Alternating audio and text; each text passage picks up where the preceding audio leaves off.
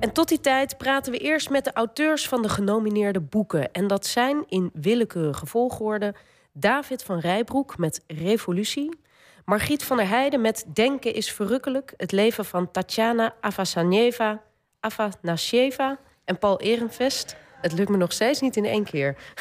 Ik ga straks heel goed luisteren. Sandra Langereis met Erasmus, dwarsdenker, een biografie.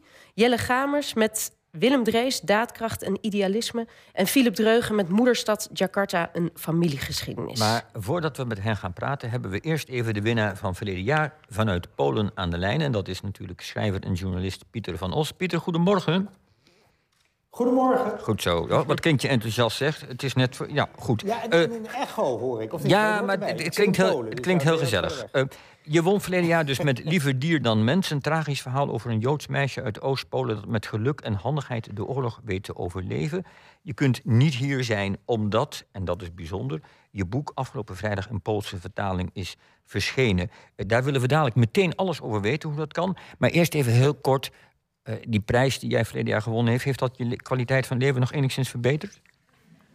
Ja, ik denk niet dat ik hier geweest was als ik die prijs niet had gewonnen. Want uh, die Polen, die, uh, of die Polen, sorry. In Polen moeten ze natuurlijk ook wel het vertrouwen hebben dat het boek een beetje te lezen is.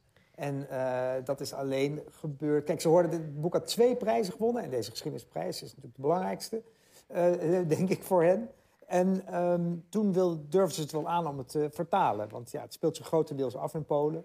En, uh, en dan een buitenlander die niet eens Pools kan, dan willen ze dan wel weten wat ja, ja, Je moet even uitleggen wat nou eigenlijk precies... want wij, wij hebben het idee dat in, in, in Polen uh, boeken over antisemitisme... en andere Poolse narigheden nog niet bepaald welkom zijn. En dat er zelfs een soort wet schijnt te bestaan... waarin boeken met zwarte bladzijden over het Poolse verleden van de oorlog worden verboden bijna. Ja. Uh, hoe kan dan jouw boek ja, nou, toch boek uitkomen? Niet, maar de auteur...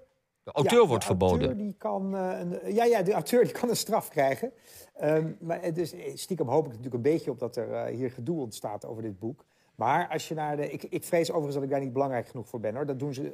Dat Openbaar Ministerie vervolgt vooral Polen die ze al in het vizier hebben. He, mensen waarvan ze denken dat eigenlijk staatsvijanden zijn, zeg maar. maar. Maar wat ik eigenlijk wilde zeggen is dat als je naar de kleine lettertjes van die wet kijkt...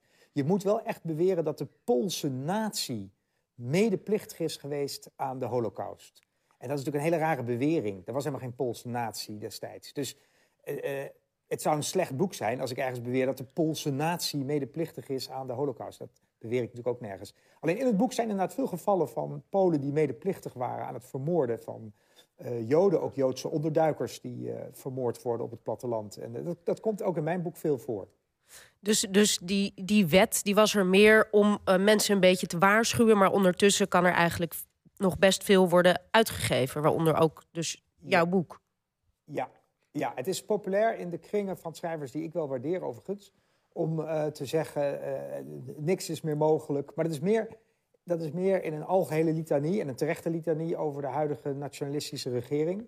Uh, deze specifieke wet heeft alleen tot vervolging geleid van twee mensen. Jan Gros, die niet in Polen is, en een, um, een auteur die hier verbonden is aan het museum van de geschiedenis van de Joden in Polen.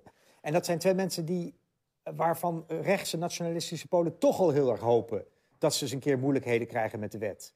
Als je begrijpt wat ik bedoel. Dat is niet Pieter van Os. Dat kan ze geen bal schelen. Op zich erg genoeg Eh, natuurlijk, jammer. maar ja, ja.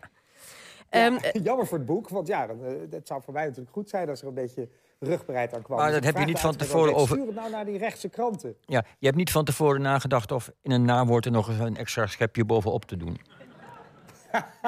Nee, je brengt me op een idee. Ja, Nee, nou, misschien bij een tweede idee. druk, Pieter. goed. Ja, nee, dank voor de tip. Goed, tot slot eh, kort nog een advies eh, eh, aan of een, waarschuwing voor de winnaar. Nou, nee, nee, ik vond het alleen maar onge- ongelooflijk fijn natuurlijk dat, ik, dat mijn boek die prijs won. Ik was zelf heel erg ziek vorig jaar, dus toen was ik er ook niet bij.